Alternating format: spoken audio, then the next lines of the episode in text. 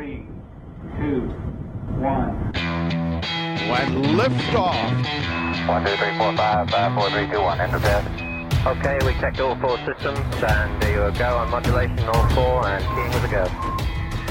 And quality base here. The Eagle has landed. Og det er eh, en ny oppskytning fra en eller annen base med utsikt østover, har vi lært eh, i eh, denne podkasten.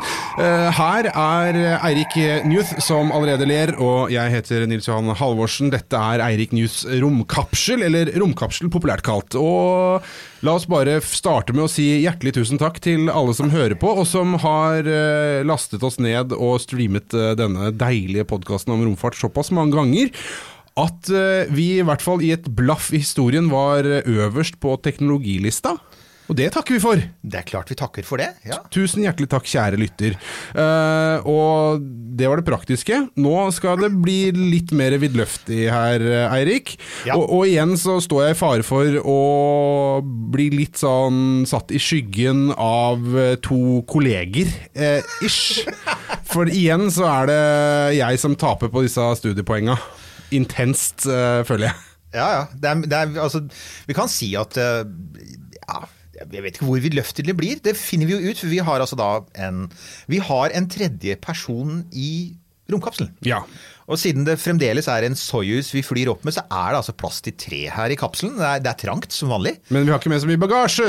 Nei, det hjelper. Det hjelper ja, veldig. Ja. Og uh, tredjemann, eller rettere sagt tredje kvinne, det er Andrea Ove. Hei, Andrea. Velkommen hei, hei. til oss. Så hyggelig å være her. Ja, Du kjenner liksom sånn G-kreftene rive litt. Grann. Vi er på vei opp fra Baikonur i full fart her. Det er fremdeles Baikonur som gjelder. Ja, det er opp fra Baikonur òg, ja. Ja, ja, skulle... Inntil videre. Altså i løpet, Forhåpentligvis i løpet av 2020 så skal jo dette forandre seg. og Det skal begynne å skytes litt opp fra Cape Canaveral og litt andre kule steder, men inntil videre. Ok, ja. Uh, das Vedanja. Uh, det er borscht det går i. Ja. ja. Og så var han presidenten igjen som jeg ikke husker navnet på, men uh, han nye. han som ikke er null sultant. Ja, nettopp. Vi jo, men vi er altså Andrea.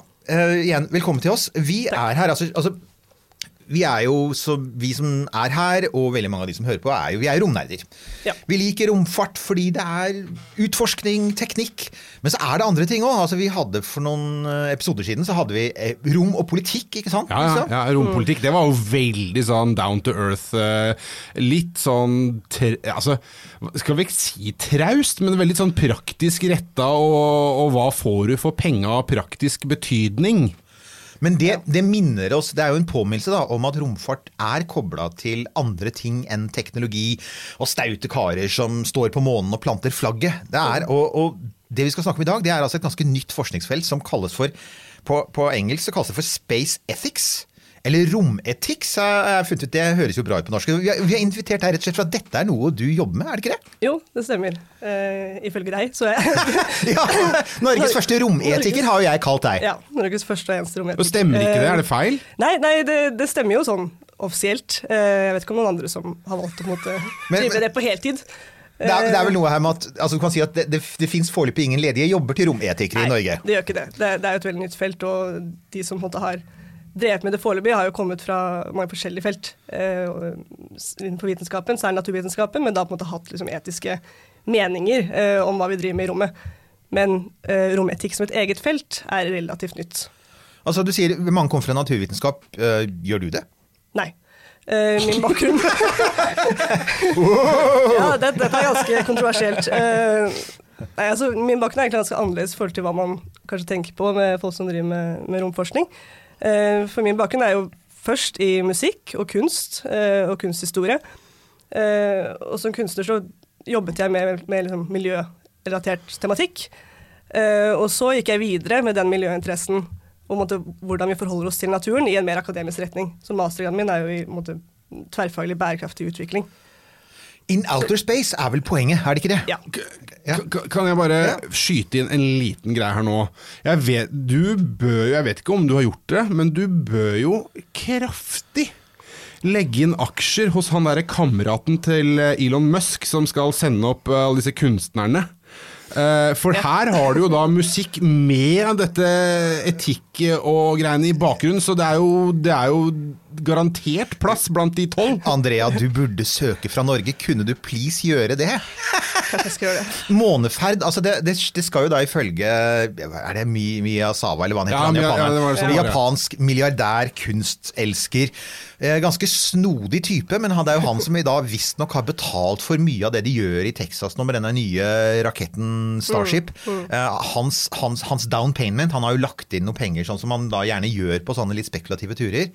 Men jeg tenker, tenker det, altså, og, og, For det er akkurat denne kombinasjonen, da. Interessen for romfart og, og Ja. kunstgreia. Ja. Men, men du skrev altså Env- 'Environmental Ethics in Outer Space' var egentlig det du, det, Ja, det du har tatt master på. Ja. ja. Mm. Og vi skal selvfølgelig lenke til den. Den er faktisk veldig lesverdig. Jeg har lest den. Takk, takk. Eh, så, så, jeg, har, jeg har lest den på min laptop som lar seg lese Mm. sånne ting. Jeg bare nevner det igjen. Hvor, hvor, det overrasker meg ikke ett sekund at du selvfølgelig, selvfølgelig har du lest den. Ja. Men du, altså Andrea, la oss komme litt sånn til kjernen her nå.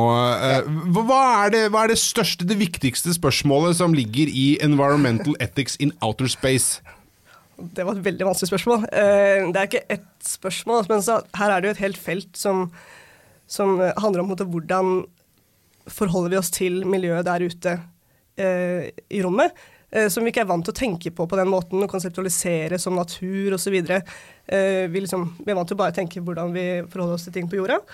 Eh, så her handler det om måte, hvilke rettigheter har vi til hva vi kan gjøre i rommet, hvilke plikter har vi eventuelt, eh, hvem har lov til å gjøre hva, hvem har rett til å gjøre hva, eh, hvilke risikoer er det vi løper ved liksom, forskjellige aktiviteter som vi planlegger å gjøre i rommet. Eh, hva slags politikk og lovverk skal gjelde. Du snakket om at dere var inne på det før, men hvis man tenker litt lengre perspektiv, så, og vi på en måte planlegger utvikling om kanskje permanente bosettinger og sånn i rommet, så snakker man om politikk og lovverk på en helt annen måte. Da snakker man om å bygge opp et nytt samfunn. Og på hva skal gjelde, og hvem skal bestemme det. Så det er veldig mange spørsmål. Jo, vi kan, Så vi kan jo Ja, forstå men dette her er interessant alt sammen. Det er det, og det fins et innmari konkret eksempel. Jeg har faktisk tenkt mye på det siste. Vi har nevnt det noen ganger i de siste episodene. og det, det er jo at Elon Musk, som dessverre har en tendens til å dukke opp veldig ofte i sendinger for tiden, det er, han, han er veldig aktiv for øyeblikket. Ja. Og, og akkurat nå, mens eh, dette tas opp, så driver han jo og sender opp han, skal, han har sendt opp 180 satellitter i lav jordbane som skal levere internett til folk på jorda, men planen er å sende opp 40 000. Ja. Og allerede nå, med 180, så klager verdens astronomer over at disse satellittene er veldig synlige. Og det de er redde for, er jo at i verste fall, så kan i hvert fall på visse tider av døgnet og visse tider av året, så kan stjernehimmelen, som vi kjenner den, den kan rett og slett bli forandra. Altså den, den stjernehimmelen Det blir tusenvis av nye stjerner. Og, og ok, dette er jo, altså det, det vi har skjønt, da, er at den godeste Elon Musk han snakket for det første ikke med noen astronomer på forhånd, for han ble veldig overrasket da de protesterte. Men det er også helt åpenbart at han ikke har diskutert om han i det hele tatt ja, altså, Har han rett til dette? For han tar jo faktisk vekk noe som vi har hatt over, over hodene våre i alle år. ikke sant? Ja. Det er et fantastisk eksempel, for det, her er det liksom et enkelt selskap og egentlig en enkelt person som da på en måte tar en avgjørelse på vegne av hele menneskeheten. ikke sant? Og, og egentlig et flergenerasjonsperspektiv også. Eh, hvis det er snakk om at stjernehimmelen sånn som vi kjenner den, endrer seg permanent. Eh, og det vitenskapelige, som du sier med astronomer, eh, som, som mister oversikten over stjernehimmelen, det er jo et ganske eh, alvorlig forskningsmessig problem. Eh, og sånn som det er nå, så finnes det ikke noe altså, Ja, han har på en måte rett til det, fordi det finnes ikke noe lovverk som regulerer dette. Det, ikke noe, uh, liksom, det er ikke noe etisk debatt på forhånd av den avgjørelsen. Uh, og det er jo høyst problematisk, vil jeg si. Ja, altså, for, ja. Ja, men, ja, men altså, er, det det? Jeg tenker altså, det er At astronomer på jorda kanskje mister litt oversikt. Ok, men så kan man sende opp noen uh, sånne romteleskoper, da. Mer av det.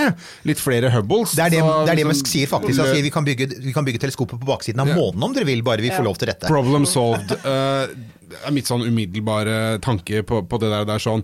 Eh, og, og som du sier, altså, eh, verdensrommet er litt sånn internasjonalt farvann. Gambling er lov, alt er greit. Eh, du kan gjøre hva du vil, ikke skade andre. ikke sant? Eh, Kardemomme- Kardemommeloven. Er det ikke sånn? Nei, altså Det eksisterer jo lovverk per i dag. Det er bare at det er ikke så mange som bryr seg om det. ok. Vi har jo, okay. vi har jo eh, The Outer Space Treaty, altså romtraktaten. Eh, og det som er problemet her, at Den ble jo skrevet for lenge siden, den forrige romalderen, hvor det var, måte, det var et politisk spill. ikke sant? Og Da var det stater, nasjoner, som, som eh, var i det romkappløpet, mens nå er det private aktører som har kommet på, på banen. Og den traktaten er, måte, er formulert på en måte som gjør at den, den henviser seg ikke spesifikt til private selskaper. Uh, og det har blitt en sånn loophole uh, som mange aktører Ja, for prøver å benytte seg av. Ja, liksom, for jeg tenker, hvis, hvis Elon Musk hadde villet sette opp f.eks. 40 000 lyskastere på Hardangervidda for å opplyse Hardangervidda Ja. om natta, eller vinternatta, så, så ville han faktisk måttet søke, han ville snakke om norske myndigheter. Det ville vært masse, altså, det hadde vært en svær prosess. Ja. Men å faktisk da sende opp en ny stjernehimmel det, det er egentlig bare amerikanske rommyndigheter og kommunikasjonsmyndigheter han i det hele tatt har søkt hos. Han bare gjør det, ikke sant. Mm, Så det er lite, det er veldig lite regulering av det. Men, men igjen så tenker jeg altså at eh, som du sier, det er vel, men det er også det med, med uh, altså mangelen på refleksjon rundt det. da. Altså Han bare Det er jo gjorde det. Altså, ja. Man kan jo altså, I forhold til det med internett til de fattige og sånne ting, hvis man gjør en etisk analyse, så kan det godt hende at man ville endt opp med at det vil veie tyngre. Men jeg vil fortsatt si at det er problematisk at det måte ikke er noe debatt om det på forhånd. At Ja. det ikke er en større internasjonal samtale om hva betyr dette her, hvem har lov til å gjøre hva, uh, hva er det liksom lengre og større perspektivet. Det, Den eneste her som har lange perspektiver, det er jo faktisk det er de private. Det er Elon Musk og Jeff Bezos. De er veldig snakker om de vil industrialisere rommet. Mm. Så 40 000 satellitter er egentlig bare starten. Eh, Elon Musk snakker om å sende opp sånn 100 000 tonn med masse i rommet og sende opp tusenvis av folk. Ja. Så med andre ord, det vi ser nå er bare starten. Men, men, men, men de to er jo egentlig de eneste som snakker om det. For når vi da snakker med for så vidt både norske eh, rompolitikere, men, men også amerikanske, så virker jo de veldig lite sånn klar over at det er det vi egentlig står overfor. En, At det som har skjedd på jorda da, de siste 200 årene, med at liksom naturen har måttet vike, og vi har anlagt, vi har asfaltert ned våtmarker, liksom. Ja. Det skjer nå, nå begynner det å skje i rommet. Ja, det, ja, nettopp det. Og det er, jo, det er jo litt den koblingen som har skjedd for meg til, altså mellom miljø og etikk og, og etikk i rommet. At det handler jo på om Det handler om uh, verdisystemer. Uh, måten vi forholder oss til miljøene rundt oss, hvordan vi konseptualiserer. Og når vi nå Den forrige romalderen den handlet på en måte først og fremst om forskning og, og til en grad politikk. Men disse nye planene om liksom storskala utvikling i rommet og eventuelt permanente bosetninger, da, da handler det om noe helt annet. Uh, og vi ser jo nå at måte, de, de visjonene fra liksom, Musk og Bezos og sånn er basert på veldig mye den samme tankegangen. Uh, samme verdisystemene som Ja, men jeg bare ja, Unnskyld, jeg, skal ikke, jeg skulle ikke avbryte, men, men jeg bare jeg tenker, er det her da litt sånn at man ikke har Fordi alt er litt sånn fortsatt proof of concept, og se, at, se om vi får det til, lar, lar det seg gjøre, så har det ikke vært noe behov for en sånn eh, debatt rundt det? Eller, eller, eller, er det, eller er det andre ting som, som, som For da, nå ser vi at ok, men det, det lar seg gjøre. Vi, vi får det nok til hvis vi vil. Og er det da på tide at flere interesserer seg for de som, etiske problemstillingene med det? Var det et litt Ja, rart det var spørsmål? et rart spørsmål. Ja. Nei, men jeg tenker, altså, er, det, er det da, er det da eh, de, de akademiske tenkerne som ikke henger med? Altså som, Mm. som har vært for treige i tanken? Kanskje det, men også at de kanskje ikke har De har ikke den samme plassen. De har ikke den samme stemmen som de store aktørene har. Så de har ikke den samme liksom, kraften og makten til å forme det narrativet som vi skaper i rommet. da. Det har vært veldig ingeniørdominert, er det mange som sier. sant? Ja. Det har faktisk vært veldig mye sånn nuts and bolts. Og, veldig, og, og faktisk den, den, akkurat den Starling-saken, den, den siste oppskytingen med sånne satellitter som, som ble gjort nå i januar 2020 en av de satellittene, en av de 60 satellittene som ble sendt opp til Starlink-nettverket, den var malt med en ny svart maling. Den heter faktisk DarkSat, som egentlig er et av de kuleste navnene en satellitt kan ha. Og, og her er saken. Dette, In a world. Ja, men her er saken. Dette er dette Dark, ja, DarkSat in a world. Eh, DarkSat har vi da fått som respons på disse innvendingene fra astronomer, men også fra folk opptatt av det etiske perspektivet. Og jeg tenker jeg, om det hadde vært ansatt en sånn space ethicist, eller en rometiker hos SpaceX de Ja, det er vel en åpen, åpen søknad her. ja, så tenker jeg, vet, du, tenker vet du hva. Elon, Elon, du kunne spart masse dritt på Twitter, for det fikk han. Han gjorde Ja. det, og han, han, han ble veldig sånn passiv-aggressiv. Det var sånn ha, eh, Husk på de fattige. ikke sant? Husk Ja, på de fattige i ja. Afrika. Det var sånn, ja, men hallo, du har jo ikke tenkt på det engang. ikke Nei, sant? nei. Du tenkte ikke på det før du begynte. Og, og, og så Det var en skikkelig heftig debatt. det var, det var en kul debatt, og den, og den trakk opp mange av dem. Men det jeg først og fremst tenkte på, var at nå, de, nå kommer de til å måtte bruke masse penger da, som de kanskje kunne spart hvis de hadde vært tidligere ute. Mm. Med andre ord, Det er ikke bare en sånn, sånn mumbo jumbo teoretisk greie. Dette handler jo om penger om. Noen av disse folka kan tape mye penger Ja. hvis de plutselig har gjort noe som viser seg å være dumt i ettertid. da. Mm.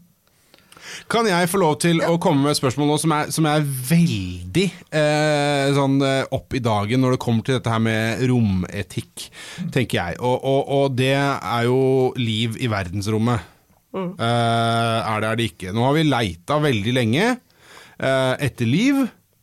Og så er det snakk om at uh, innen slik og sånn, så skal vi ha sendt noen folk til Mars. Og om x antall år så er det da snakk Ok, så skal vi begynne å terraforme, eventuelt tilpasse Mars, kloden, til uh, å lage et miljø der som gjør at vi kan bo der.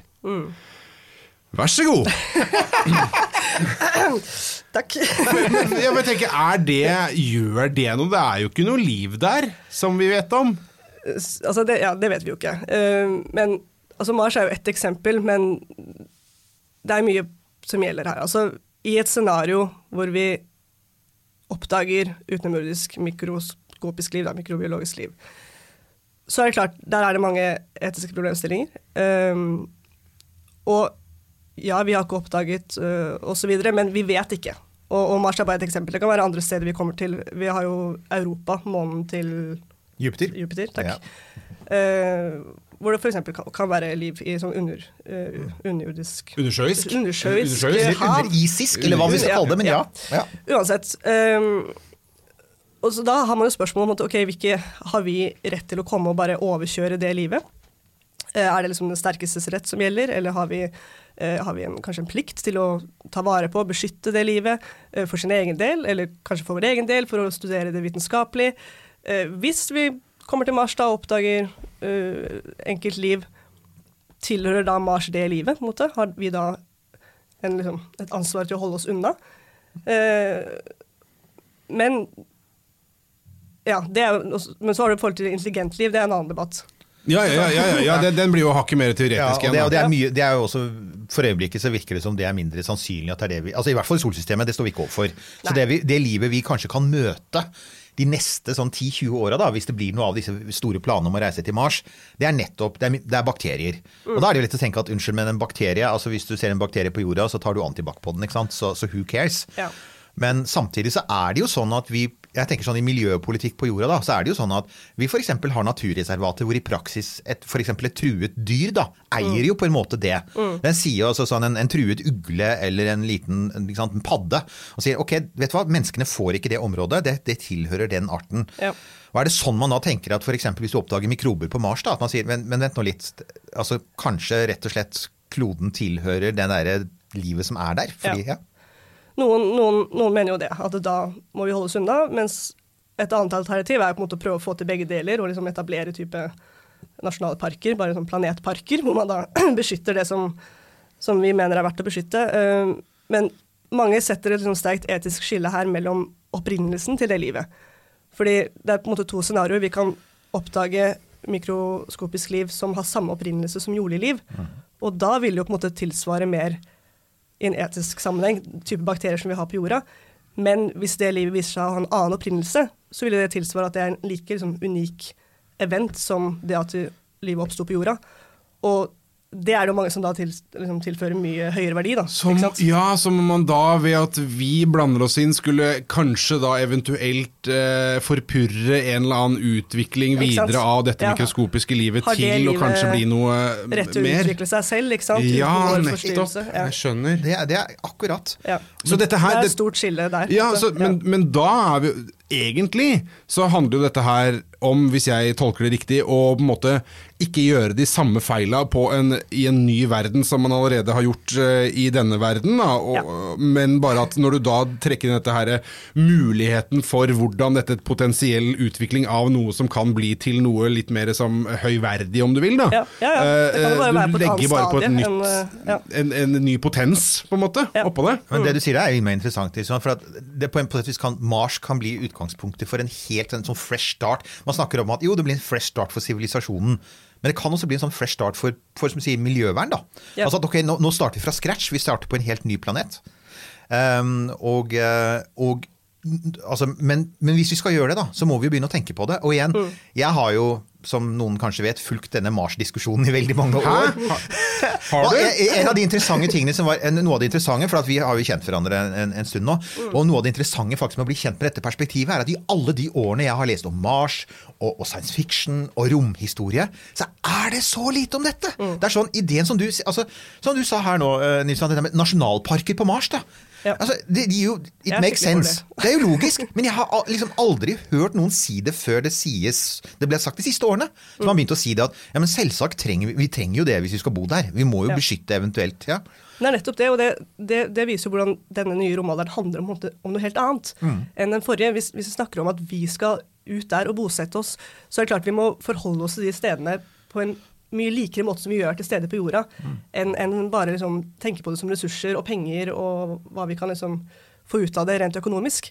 Fordi vi mennesker forholder oss jo til de miljøene vi bor i, uh, på mye mer komplekse måter enn det. ikke sant? Uh, og da tenker jeg det er jo fortere vi begynner å på en måte konseptualisere steder i rommet på den måten, hvis vi skal komme dit, jo da vil det representere på en måte at vi har lært av de feilene vi har gjort på jorda. da. Men, ja, det er Interessant. I møte med uh, Litt sånn avsporing her nå, øh, Andrea. Men i møte med uh, liksom, ingeniørsfæren av uh, verdensromsutvikling, og så kommer du med dine tanker. Ja, jeg er veldig Eh, alene. Det, ikke, det blir ikke umiddelbart bestevenner. Nei. Altså, det er interessant fordi de fleste syns det er veldig interessant og blir veldig fascinert av at jeg holder på med dette her, og folk er veldig positive.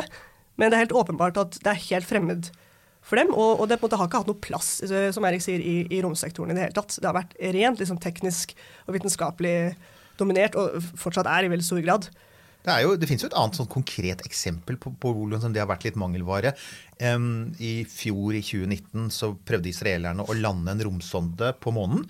Og vi har, vi, I en tidligere episode med Petter Bøckmann så har vi snakket litt om hvordan de spretter bjørnedyr, eller tardigrader er det vel heter, Ja. eh, ut på månen. Og som da Petter sier, mer eller mindre De kan godt hende at de ligger i dvale der, for at ja. tardigrader tåler alt. ikke sant? Det er sånn, Vi er tror kakerlakkene tøffeste- overlever atomkrigen, det er bjørnedyr. Ja, ja. Og Keith Richards. Ja, og Keith Richards. men, men Kanskje Jeff Bezos. ja, men, men, men, men, men jeg tenkte på um, ja, Nå mister jeg tråden her. Ja, nei, men altså Bjørndyra da, på, Ja. som er der eh, vi, har jo, vi har jo lenge hatt lyst til at du skulle komme og snakke om dette her.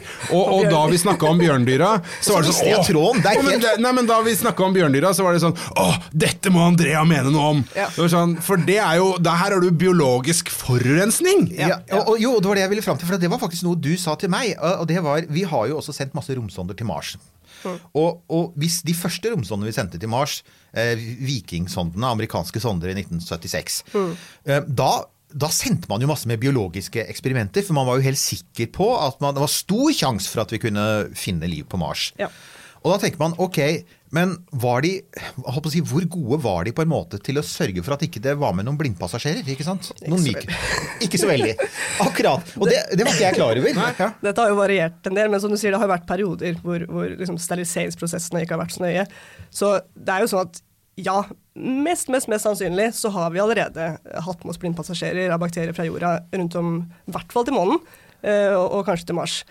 Eh, men man har regnet med at det da bare har dødd, ikke sant. Eh, men så har vi jo da dette tilfellet med bjørnedyrene nå, som er liksom den mest hardføre livsformen vi vet om, ikke sant? og som har vist seg å overleve i rommet ubeskyttet. Eh, og som nå da den israelske sonden har liksom spredd i tusentalls utover månens overflate. Eh, så det er jo det ene aspektet at ja, vi har allerede gjort det, men det betyr jo ikke at Altså, desto viktigere tenker jeg at det er at vi nå måte, planlegger og kartlegger eh, de områdene vi ønsker å dra til på en så grundig måte eh, som mulig. Eh, sånn at vi ikke Ja, altså det, det eksempelet beviser jo hvor lite vi vet, og at vi kan ta feil, og plutselig kanskje oppdager vi noe som vi ikke hadde tatt høyde for i det hele tatt. Jeg har faktisk allerede sett noen kart som NASA har begynt å lage, og som andre har begynt å lage for hvis vi sender mennesker til Mars, og, og potensielle områder å lande mennesker på, så har de laget sånne sånne eh, altså, modeller av kart de kan komme til å lage, som, som er sånn Her kan vi lande, her kan vi plassere kjernekraftverket, og her kan vi finne vann.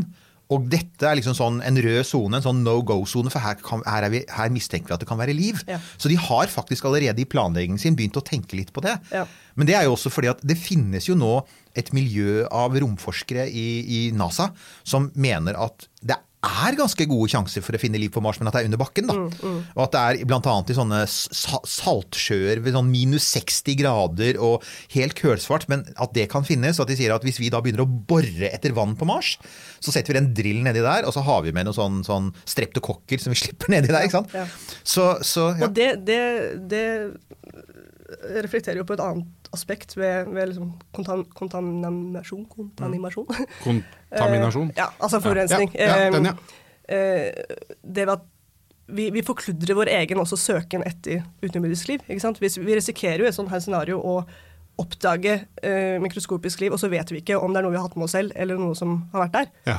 Og det er jo ganske alvorlig fra for- et vitenskapelig perspektiv. Ja, for dette her er jo sånn eh, som jeg lærte om i eh, sosiologi og sosialantropologi. Ja. Så var det sånn, altså ved å observere, hvordan observerer man en kultur, altså og, og forandrer man kulturen ved å observere den? Det er sånn Unni Vikan og, og stammer Mm. nede i Amazonas og sånn, og hvis man, oi, så blir det jo bare kaos hvis du kommer der som et hvit menneske med kamera og Ja. plutselig blir en gud, og da har du ødelagt hele kulturen. Så det er jo der. Ja. Sjelden har jeg følt meg så ensom som naturviter i denne romkapselen. Men, men det som, jeg må bare si det, for det som, sitter, det som, som slår meg her nå, når dere snakka om dette her, dette her er jo Star Treks Prime Directive. Ja. Ja. Det er jo det, altså. Vi skal ikke Vi må være eh, Vi må være usynlige når vi skal se på andre fremmede kulturer. Ja, og så er det jo det, det, det er jo faktisk også, det, Dette er en av de tingene som er- står ganske eksplisitt i FNs romtraktat av 1967, er det vel. Jeg husker om det, er, om det er punkt 10 eller hva det er, men der står det sånn liksom eh, Kontaminasjon og det å ta vare på mulig fremmed liv er et sånt, det, det er noe av det første du skal gjøre. Men igjen, altså. Jeg, jeg, jeg, her, i, I fjor så leste jeg en sånn rapport fra NASA om eh, for Man har jo funnet metangass i, i atmosfæren til Mars. Ja. Og metan kommer enten fra vulkansk aktivitet eller det kommer fra liv. Det er, liksom to de, det er de to viktigste kildene. Og så tenker man Uh, og da, da En av forklaringene var faktisk at på den eh, Curiosity, var det vel denne eh, Mars-bilen som kjører omkring eh, det, så, altså, En mulighet var faktisk at det var jordiske bakterier som hadde overlevd på Curiosity, som produserte metangassen. Det var faktisk en. De trodde det ikke, men det var så med andre ord, de, allerede, de, de driver faktisk og legger inn muligheten for blindpassasjerer Ja. i sine modeller. altså. Ja. Dette sier jo litt, altså det med, med den israelske sonden viser jo da på en måte at det er, ikke sant, vi har dette lovverket eh, som ikke blir tatt hensyn til. Og at det blir, begynner å bli litt sånn, litt sånn cowboytilstander hvor bare nye aktører kommer og gjør ting uregistrert. Eh, uten at disse måte, prinsippene er etablert. og Ja. Men, så, men så kommer det andre, da, som jeg tenker er sånn Hva om vi da For det er jo det de fleste forskere som forsker på Mars, mener jo at vi kommer antagelig ikke til å finne liv der. Altså, Og da tenker jeg, ok, hva om kloden er død? Skal vi da likevel bare glemme helt at den har en en egenverdi, om du vil. da. For at Mars, altså Selv om det ikke er liv der, så har jo Mars fremdeles en natur. Og jeg tenker for eksempel at Her i landet så har vi veldig stor respekt for fjellkjeder. Ja. Nord, ja, men er sant, Nordmenn er glad i fjell. Og vi er glad i de fjellene enten det står en, en, eh, sant, enten det står en bjørk på det fjellet eller ikke. Vi liker jo fjellet i seg selv.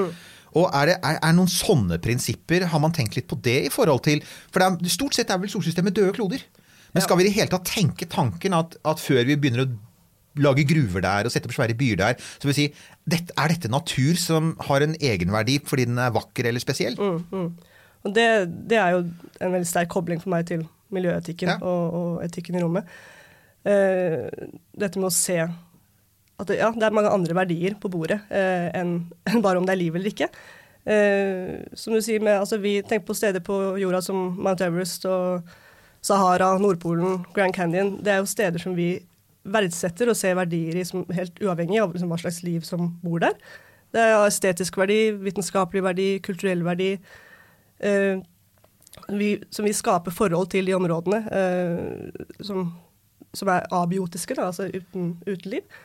Eh, og hvis vi skal bosette oss på Mars, f.eks., eh, så er det klart at vi kommer til å utvikle et forhold til naturen der.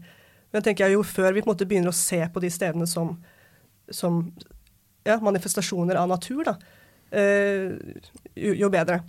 Og, og mens innenfor rometikken så er det jo da f.eks. mange som mener at de som måtte strengeste, at vi har ikke lov til å egentlig gjøre noe med si Mars uan, uansett, fordi Mars har en rett til å eksistere som den er, som en, en, en form for natur. Um, eller at man kan prøve å liksom, kombinere det. Ja, og så I motsatt ende så har du da et type, altså Jeg er jo medlem av en forening som heter The Mars Society. mer eller mindre for moro skyld. Det er, det er en amerikansk selskap som er sånn, sånn medlemsorganisasjon, da, frivillig lobbygruppe. Som er i motsatt ende av skallen, som er sånn Ja, men hallo, her er det liksom Send en bulldoser så fort vi bare kan! Jo fortere vi får motorveier, jo bedre. Ja, jeg, jeg tenker eh, litt sånn at det, så lenge, Når det er en død klode som bare er der, eh, og den kan eh, altså, potensielt da bety liksom, menneskehetens eh, frelse und so weiter, så, så tenker jeg må jo det veie opp for Eller ja. Eh, jeg vet ikke. Ja, altså Ja, det er jo det ene, og man må jo også på en måte forholde seg til den praktiske realiteten. Og det er at vi kommer jo til å prøve på dette, i hvert fall. Så det nytter på en måte ikke å sitte og si at vi har ikke lov til å sette en fot på Mars, fordi noen kommer til å gjøre det. Um, så, så jeg er mer opptatt av på en måte, ok, vi må forholde oss til den, den praktiske realiteten. Um, men eksempel, sånn som du sier nå, en, en død planet. altså Det handler mye om Vi har, liksom, vi har veldig sånn bias både for jorda og for liv. Um, og det, altså, det er jo hele den etikken som måte, det moderne, i hvert fall vestlige samfunnet er basert på, som er veldig det vi kaller antroposentrisk, altså veldig menneskesentrert. Og, og veldig instrumentalistisk og veldig sånn nyttebasert forhold til okay, alt, alle andre former for liv og, og ikke-liv. Deres verdi liksom måles først og fremst ut fra hvordan kan mennesker bruke det, hva kan de få ut av det. Og den, hele det verdisystemet ligger jo til grunn for det samfunnet vi har i dag, og også da den liksom, klimakrisen vi er i nå. Uh, så jeg er på en måte opptatt av ok, skal vi ta med oss den tankemåten, den måten å tenke på om steder og om natur ut i rommet, så, så er det et ganske dårlig utgangspunkt. Her har vi en mulighet til å på en måte forberede oss moralsk sett eh, og, og filosofisk til å på en måte komme inn i disse områdene på en litt mer ydmyk måte enn, enn vi har gjort på jorda. da. Og det handler jo også da om å bedre våre egne sjanser for å på en måte klare å, å leve der. Eh, og ikke ende i samme situasjon en gang til. Bare på en litt større det, skala. det, det er jo folk der ute som, som sier sånn med tanke på at ikke vi helt klart har funnet ut vi, vi, altså vi skjønner jo at vi er i ferd med å, å, å fucke opp jorda ganske grundig, for å si det sånn. Og altså Hvis det er noe med vår Vi har ennå ikke helt greid å finne ut hva det er liksom ved vår tenkemåte og livsstil. Det driver vi jo fremdeles og krangler om. Men så, så lenge vi liksom ikke har greid å finne ut av hva det er som gjør at vi så, har gått så langt da, i å ødelegge så mye naturmiljø på jorda, så er det kanskje, da er det jo folk som sier kanskje vi bør vente med å dra ut der og terraforme Mars og liksom ta fuck opp den nå, da. Ja. For at i, i det mest ekstreme liksom, det mest ekstreme caset er at jo, jo, vi brer oss utover og koloniserer galaksen. Eh, nei, vi er en kreftsfull som bare tar den ene planeten etter den andre og forsøpler den og ødelegger atmosfæren. Ikke sant? Sånn, Det er liksom the worst case, da. Jeg, jeg satt akkurat og tenkte på Agent Smith i, i, i Matrix, som liksom eh, sammenligner menneskeheten med It's a parasite. Ja, ikke sant? Altså, mennes menneskeheten ja, Men det er jo faktisk en tanke jeg har lest i, i altså, Absolutt, det er, mange, det er mange som tenker sånn, Ja. Uh, og det er en god, god grunn til det. Eh, men det stiller jo liksom spørsmålstegn ved hele vår ja, Er vi, er vi liksom moralsk forberedt på å ta det sivilisasjonssteget? Men så er det den motsatte greia igjen med akkurat det med å reise ut, da, og hvor langt vi skal gå for å kunne reise ut. og Det er jo, det er jo faktisk Det var jo en, uh, en tweet fra Elon Musk i fjor, var vel det, hvor han snakket om at han hadde sett en, en, en studie eh, eller Det er jo det som heter en metastudie, en studie av mange studier av sannsynligheten for intelligent liv i universet. Og, og så langt vi kjenner til det nå, så er er, vi har snakket om dette før, det er fint lite der ute. Det er veldig stille der ute. Og det er til og med en viss sannsynlighet for at er, kanskje, kanskje vi er det eneste i galaksen, f.eks. Eller det eneste i universet. Det er en mulighet. Og han sier hvis det stemmer, sier han, så, og hvis vi mener at intelligens, da han, han kalte det 'the light of consciousness', altså Ja. Mm. bevissthetens lys. Han sier i et dødt univers er ikke bevissthet og intelligens på en måte den holdt på å si objektivt sett den høyeste verdien, og er ikke da vår fordømte plikt som mennesker og den eneste, kanskje den eneste intelligensen i galaksen eller universet, å sørge for at den overlever og brer seg ut, fordi at et univers med intelligens er et fordømt mye mer interessant univers enn et univers med bare døde stjerner og steiner. Det er poenget hans. Og det er jo ikke et dårlig poeng, det Det er et veldig godt poeng, og jeg er egentlig helt enig. Ja, jeg er også egentlig Så send bulldoserne!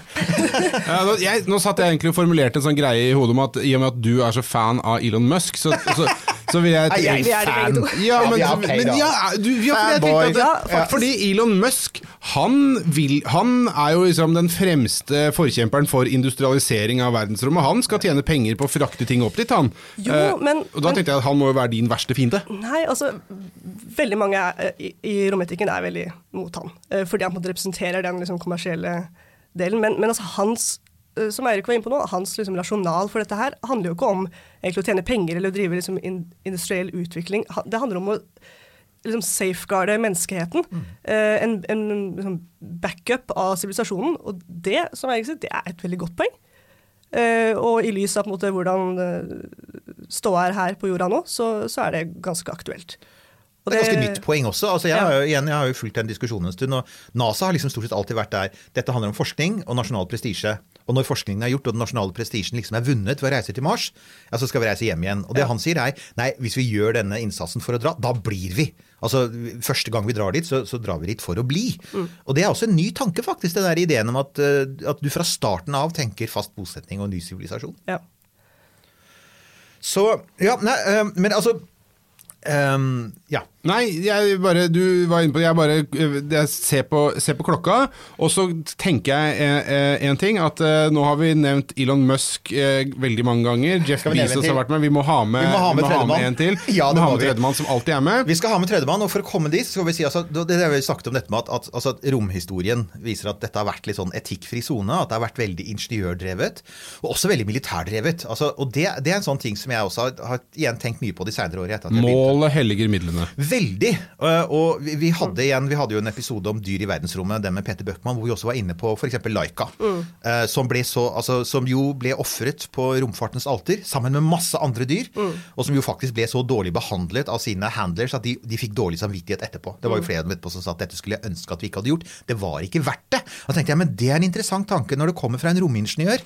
For det er så sjelden du hører dem si det. Og si vet du, det vi gjorde der, det var ikke verdt det.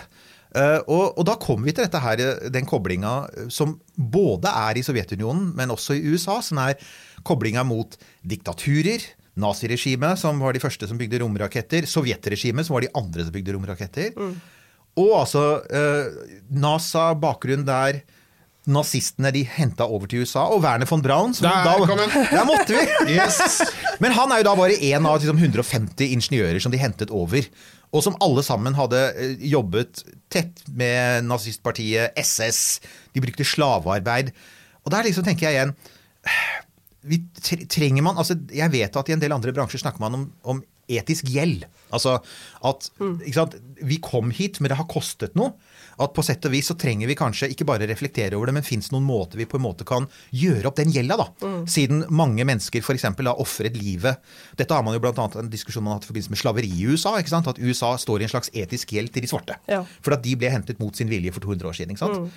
Dette er jo mye nærmere i tid. Dette her er jo folk, de, til faktisk noen er jo fremdeles i live. Så ja, hva, hva tenker du rundt det? Altså, det Jeg, tenker, jeg tenker at det er veldig viktig, og det er en veldig ja, eh, historisk eh, arv her som jeg tror det er viktig for mange, særlig innenfor rommetikken, å på en måte prøve å bryte med den, eh, det narrativet, og, og at den nye romalderen heller på en måte må representere mye mer progressive verdier eh, av inkludering og likestilling og bærekraft osv. Og, og, og dette ser vi for dette med eksempelet med at vi snakker om kolonisering av rommet, og at det blir eh, ofte negativt tatt imot, den bruken av det ordet, fordi det er en historisk arv der som har hatt sant, eh, enorme sosiale og miljømessige konsekvenser. Det har vært liksom, et lite prosjekt. og mange er da opptatt av at nye romalderen er i ferd med å ta den samme formen. At her er det de, de rike og hvite som skal ut og, og leke seg. Mens bør ikke dette heller representere på en måte et tverrsnitt av, av jordas befolkning og av ulike kulturer, ulike verdier. Uh, hvis vi skal snakke om å bygge nye, de mest moderne selvfølgelig, og mest progressive samfunnet ut, ut i rommet, så bør det representere liksom, de delene, eller de samfunnsmodellene som, vi er, mest, som er mest vellykkede, som, som fungerer mest, best på jorda i dag. Eh, Da er jo den nordiske modellen egentlig et eh, interessant eksempel. Eh, men altså, hvis du tenker i forhold til, Nå er jo Norge et litt dårlig eksempel i forhold til vårt forhold til olje, men si Danmark versus USA, Ja, ja. så ville jeg heller hatt liksom en dansk eh, bosetting på, på Men det, det, det fascinerende er jo at hvis du, hvis du jeg, jeg, jeg, har jo, jeg har jo hørt amerikanere diskutere bosetninger på Mars. Og de kommer ga- gang, gang på gang så kommer de tilbake til sånn Ja, hvordan skal vi håndtere helsevesen? Hvordan skal vi håndtere skole og barnehage? Så tenker jeg jeg, jeg, var, jeg var i et møte hvor jeg var han irriterende europeeren som sa unnskyld, men det har vi faktisk løst hjemme hos meg. vi, vi har en løsning på det. Eh, Vi fikser helsevesen og vi fikser barnehage. Så, så det, det, Men det beviser jo at det, er, det, det tas for gitt da, at det er et visst narrativ og en viss, et visst type samfunn, et visst verdisystem. Det er veldig sånn nybyggertenkning. Det er veldig sånn, Ikke det er fremdeles det er sånn, jeg tar med deg gunneren og tar med deg hesten din, og så drar du til Mars, og så liksom graver du, og så sånn Men oh shit, hva, hva gjør jeg med unger? Og så skal vi få mange unger, men, men hva gjør vi med de ungene mens jeg er ute og jakter på marsianere, liksom? Ja, det Dere trenger en velferdsstat fra starten av. Ja. Men, eh, men det, det er jo en helt sånn på tampen her så tenker jeg at det er jo, apropos det med sånn etikk, det blir ofte litt sånn vidløftig, men det er, det er noen konkrete eksempler òg. vi er jo nå i en fase hvor altså, NASA har for lengst parkert romferja. Og en av grunnene til at den ble parkert, det ble ikke snakket så høyt om da, men det var helt klart at NASA, NASA hadde problemer med etisk svikt. Altså De to ulykkene du hadde, ikke sant, Challenger og Columbia, var begge preget av at at ledelsen satt på masse informasjon som de faktisk ikke ga til de som, var, som et, endte opp med å dø. Og det, det, det verste eksempelet er faktisk Challenger, hvor du liksom skyter opp på et tidspunkt hvor ingeniørene Der er det ingeniørene som faktisk sier 'ikke skyt opp', fordi Ja. at disse hjelperakettene kan faktisk ødelegge Challenger. Og NASA sier i praksis ikke sant, hold kjeft, det, vi, vi over, overstyrer dette. Og så lar de dem gå om bord i romferja. Og her kommer den biten hvor jeg tenker dette er ikke bare dårlig ledelse, for det sa man ettertid, det var dårlig sikkerhetskultur og dårlig ledelse. Men så sier de ikke til de som går om bord. De sier ikke til piloten du forresten, det er kommet et varsel fra ingeniørene. De gjør ikke det engang. De, altså, de lar dem bare gå om bord uten å ane hvor stor fare det er i. Og da tenker jeg at at når vi da snakker om at vi bør få bedre etikk da, i romfarten hvis vi, skal snakke, hvis vi skal sende opp sånn tusenvis av mennesker i rommet, som Elon Musk snakker om, da kan vi jo ikke ha den typen etikk. Da kan vi jo ikke være der at hver gang det dukker opp noe farlig, så sier ah, vi, vi sier ikke noe til piloten. Vi sier ikke noe til passasjerene. Da må man jo ha samme type etikk som helst bør rå i flyselskaper. F.eks. At, at hvis det er en teknisk feil, det er en fare for at flyet faller ned, så sender vi ikke folk av gårde. Ikke sant? Ja. Og jeg tenker at Dette speiler jo på en måte det vi var inne på i stad, at romsektoren sektoren har vært veldig homogen ikke sant? når det kommer til Ja. type folk. Eh, Det har ikke vært noen liksom, psykologer eller etikere eller filosofer eller kunstnere eller samfunnsvitere som, som har vært med, eh, som har fått noe plass i, i de avgjørelsene og i formingen av måte, den, hva, hva det romkappløpet handlet om. ikke sant? Så hvis, hvis altså, det man var ute etter var forskning eller politisk vinning, så kan du si at risikoføringen var veldig høy. da, ikke sant? Ja, men jeg tenker, kan man da øh, Kan man nå i ettertid kritisere dem for det? Fordi da handla det jo mer om å bare Ok, la oss se om vi får det til. I det, Og da må man jo ha en viss grad av sånn her fuck it, let's go-tankegang. Kan jo, kan jo si det, men, men altså, det er jo en eh, etisk vurdering. Men, men i hvert fall nå, når romalderen handler om noe helt annet, Ja. så er det klart vi trenger et mye bredere spekter av kompetanse. Det er helt for, enig sant, for å ta riktig type avgjørelser, og for å gjennomføre dette på en trygg og, og forsvarlig og liksom meningsfull måte. Ja, ja. Det slående er jo at disse private aktørene de sammenligner jo nå i større og større grad så sammenligner de nå romfart med luftfart. Og det, det syns jeg er en, en, på mange måter en god ting, fordi at luftfarten har helt andre krav til sikkerhet ikke sant? og helt andre krav til liksom sånn, ja, altså passasjerservice, for å si det sånn, enn romfarten har hatt. Det har vært veldig mye sånn pionerånd med at ja, ja, du, altså, de, de vet hva de gjør, de vet hvilken risiko de tar. Nå vet vi at det er ikke alltid sant, for de fikk ikke alltid vite det, men, men, men stort sett så har de visst hvilken enorm risiko de tok. Og nå sier, nå sier da altså Bezos og Musk sier at nei, men dette skal vi fikse, vi skal få til en sikkerhet som er god nok til at, at da kan vi ha igjen den samme etiske standarden som du forventer at et, et godt flyselskap har. Da. Men, i, men da tenker jeg at det er, vi er fremdeles et lite stykke igjen når det gjelder holdning. For jeg, jeg merker jo fremdeles at hver gang dette dukker opp, så er veldig mange av de gamle holdningene der. Men ja ja, de er jo, de er jo pionerer. De, Ja. Vel ikke hvis du har tenkt å skyte opp 100 mennesker i slengen i romturister. Nei, som men man er blir jo litt bedre for hver gang, gjør man ikke det da? Ja, altså man trodde, Lære noe nytt. man trodde jo det inntil Columbia-ulykken i 2003, der NASA gjorde mange av de samme feilene som de gjorde i 1986 med Challenger. Det var det som sjokkerte så mange som sa ja, men jøye meg, er vi der igjen? Er vi der igjen at man har visst om et problem i årevis, holdt det skjult, og ikke egentlig forteller astronautene hvor stor fare de er i, for det- man holdt jo egentlig det unna. Så, så jeg, jeg tenker at, at, uh, at vi kan Poenget mitt er vel egentlig at uh, disse folka som driver og skal satse nå, de trenger vel i høyeste grad De trenger vel rometikere, gjør det ikke det? Lissepasning til deg, Andrea. Jo.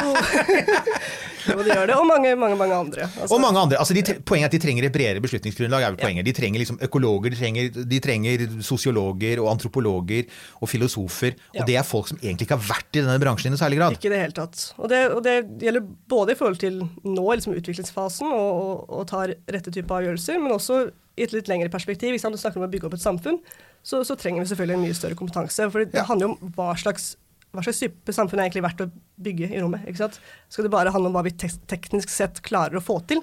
Ja. Er det verdt det, eller bør vi på en måte hige etter et å skape et liksom, miljø som vi kan trives i og utvikle oss i? ikke sant? At det skal være en mening å dytte Det- masse det er- ressurser ja. Ikke sant? Altså, og det er sånn, igjen Folk tenker ja, ja, så vidløftig. Nei, det går på sånne konkrete ting som f.eks. byplanlegging. Ja. Du skal bygge en by på Mars. Og vet du, arkitekter har, og byplanleggere har ikke vært involvert før nå i det siste. Mm. Nå, var det, nå ble det Mars Society holdt sin siste konferanse nå for noen måneder siden i Los Angeles. Og da var konferansen viet byplanlegging på Mars. Og det Mm. er så, de YouTube-videoene ligger der ute. Jeg kan lenke til dem i bloggen vår, romkapsel.no. For der har du folk som står og sier Ja, men hør nå her, folkens. Når dere har disse her hvite boblene som står på overflaten til Mars, har dere tenkt på sånn altså hvordan en god by er bygd opp, da? ikke sant? Mm. En god landsby, en fransk landsby eller italiensk, eller et godt bysentrum som Gjerne en europeisk Ikke sant? Ja, gjerne det. Men det, vi, vi vet faktisk litt om hvordan mennesker lever godt sammen. Og hvorfor har NASA glemt det hver gang de Fordi det bare, ingeniøren i NASA bare heiv det ut av vinduet. Ja. Så jeg pleier jo å si at det har vært sånn, det har vært sånn fatalt underskudd på humanister i romfarten. Ja, ja. Det er vel egentlig det vi sier. Økonomer. Det er, det er ingen økonomer har sett på hvordan vi skal tjene penger på Mars, for ingen har spurt dem. Vi er jo, det er jo egentlig ganske krise, da. Ja. Vi, kan jo ikke, vi kan jo ikke bosette oss på Mars. Ok, nå ranter jeg. Jeg skal slutte å rante. Jeg skal slutte å rante! Sorry, folkens. Men apropos det, bare for å avslutte sånn Siden du er gjesten her, skal Jeg- du absolutt få lov å avslutte. Jeg er egentlig mer fan av de altså med tanke på dette her, av de O'Neill-sylinderne. Ja! Sånn, altså, I forhold til ideen, i forhold til det å, å, å bosette oss på Mars. Fordi da er det snakk om å konstruere et habitat fra scratch selv. Da kan vi jo skape akkurat den verden vi vil ha, eller enda Ja. mer som vi trenger. Det, Det er kjempeinteressant. Det er en idé fra 70-tallet. En fyr som het Gerard O'Neill, som da eh, hadde en idé om at istedenfor å drive og prøve å finne en planet som ligner på jorda, Ja, så, så, så, opp, den, liksom. så oppretter du liksom Du begynner å industrialisere rommet, og så finner du deg en asteroide, og så utvinner du materialer til å lage en sylinder som er sånn typ 1 km i diameter og 3 km lang, og den har plass til liksom sånn typ 50 millioner mennesker. Mm. Og inni der så kan du lage det perfekte habitatet, dvs. Si sånn ja, sånn typ sånn, sånn eh, Sør-Frankrike, ikke sant? Eller Ja. sånn, sånn perfekt temperatur året rundt. Uh, ikke noe stråling, du, har masse, du, for det- du er på innsiden av et rør, da, og så spinner det, og da har du kunstig gravitasjon. Ja, ja, ja, vi ja, ha mange det- sånne da, liksom, forskjellige byer? Liksom. Å ja, det er, vi er, så vi, det er snakk om å lage rett og slett Elysium uh, Ja, egentlig en sånn. kjempevariant Ja, av det du ser i Ja. Elysium. Ja. Bortsett, altså, og den som nå har tatt til orde for det, det er jo Jeff Bezos. Ja. Han sier det. Og hans vidløftige tanke er jo fordi han, han er klar over, han sier det selv, han sier Jorda er et lukket system. Det er grenser for hvor lenge vi kan fortsette å, å vokse her. Vi fordi at vi holder på å sprenge grensene allerede. Men i rommet har vi endeløst med plass.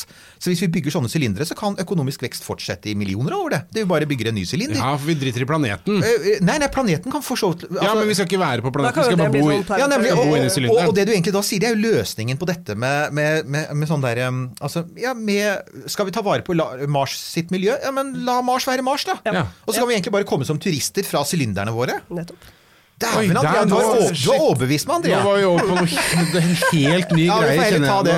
Vi kan ta det en annen gang. Men, men, eh, ja, men det kan vi også lenke til. Og Nils-sylindere. Jeg, jeg kjenner på meg at det blir en lang lenkeliste, men det er helt greit, for det, den, det fortjener den. Ja.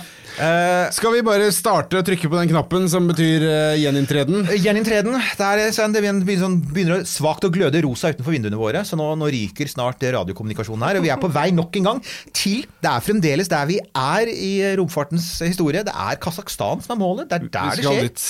Og ned til han eh, som jeg ikke husker hva heter. Tokayev, tror jeg. Tokayev, jeg tror faktisk det var, vi, vi. Ja, pleide, han, stemmer. vi pleide å bli tatt varmt og klamt imot av Nur Sultan Nazarbayev. Oi, nå har Hallo! du deg Nå som han ikke lenger er president i Kasakhstan, men han er egentlig det, da, for at uh, hoved, hovedstaden, ifølge en av våre lyttere, så er jo hovedstaden blitt kalt for er Nur Sultan Nur han nå. Sultan. Ja.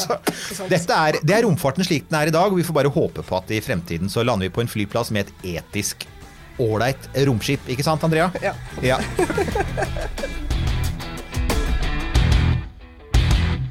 Denne Podkasten er produsert av Tid og. Lyst.